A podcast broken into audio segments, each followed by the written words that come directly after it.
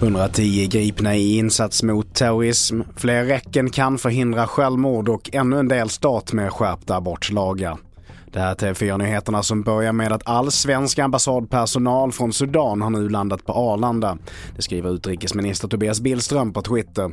De får stödjande insatser och utrikesministern riktar ett särskilt tack till alla de som gjort evakueringen möjlig.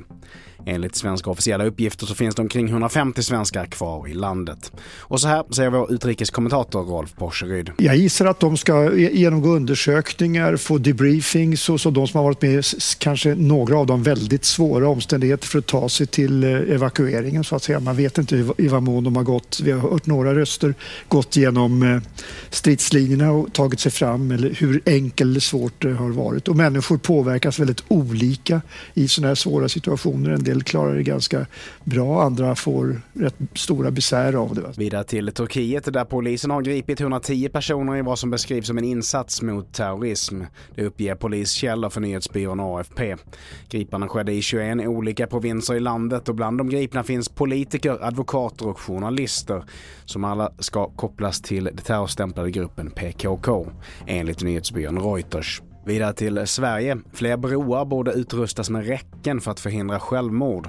Det menar i alla fall organisationen Suicide Zero som anser att för få kommuner har koll på vilka riskområden som finns. Vår uppfattning är att det går för långsamt och att många gånger så är det också kostnader som vägs mot eh, faktiskt människoliv. Och vi ser att man skulle behöva göra många fler skyddande insatser på flera olika områden. Och i inslaget här så hörde vi Rickard Bracken som är generalsekreterare på Suicide Zero. Till sist, amerikanska delstaten North Dakota blev en i raden av delstater som nu skärper abortlagen. Guvernören skrev igår under en lag som förbjuder nästan alla aborter förutom i ett fåtal undantagsfall. Till exempel om graviditeten är en följd av en våldtäkt eller incest. Men bara om fostret är mindre än sex veckor gammalt. Och vid den här tiden så är det väldigt ovanligt att kvinnor upptäckt att de är gravida. Fler nyheter hittar du på tv4.se. Jag heter Mattias Nordgren.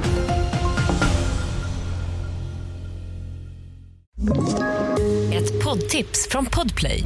I fallen jag aldrig glömmer djupdyker Hasse Aro i arbetet bakom några av Sveriges mest uppseendeväckande brottsutredningar.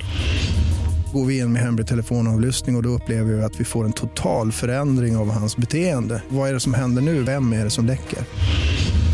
Och så säger han att jag är kriminell, jag har varit kriminell i hela mitt liv men att mörda ett barn, där går min gräns. Nya säsongen av Fallen jag aldrig glömmer på Podplay.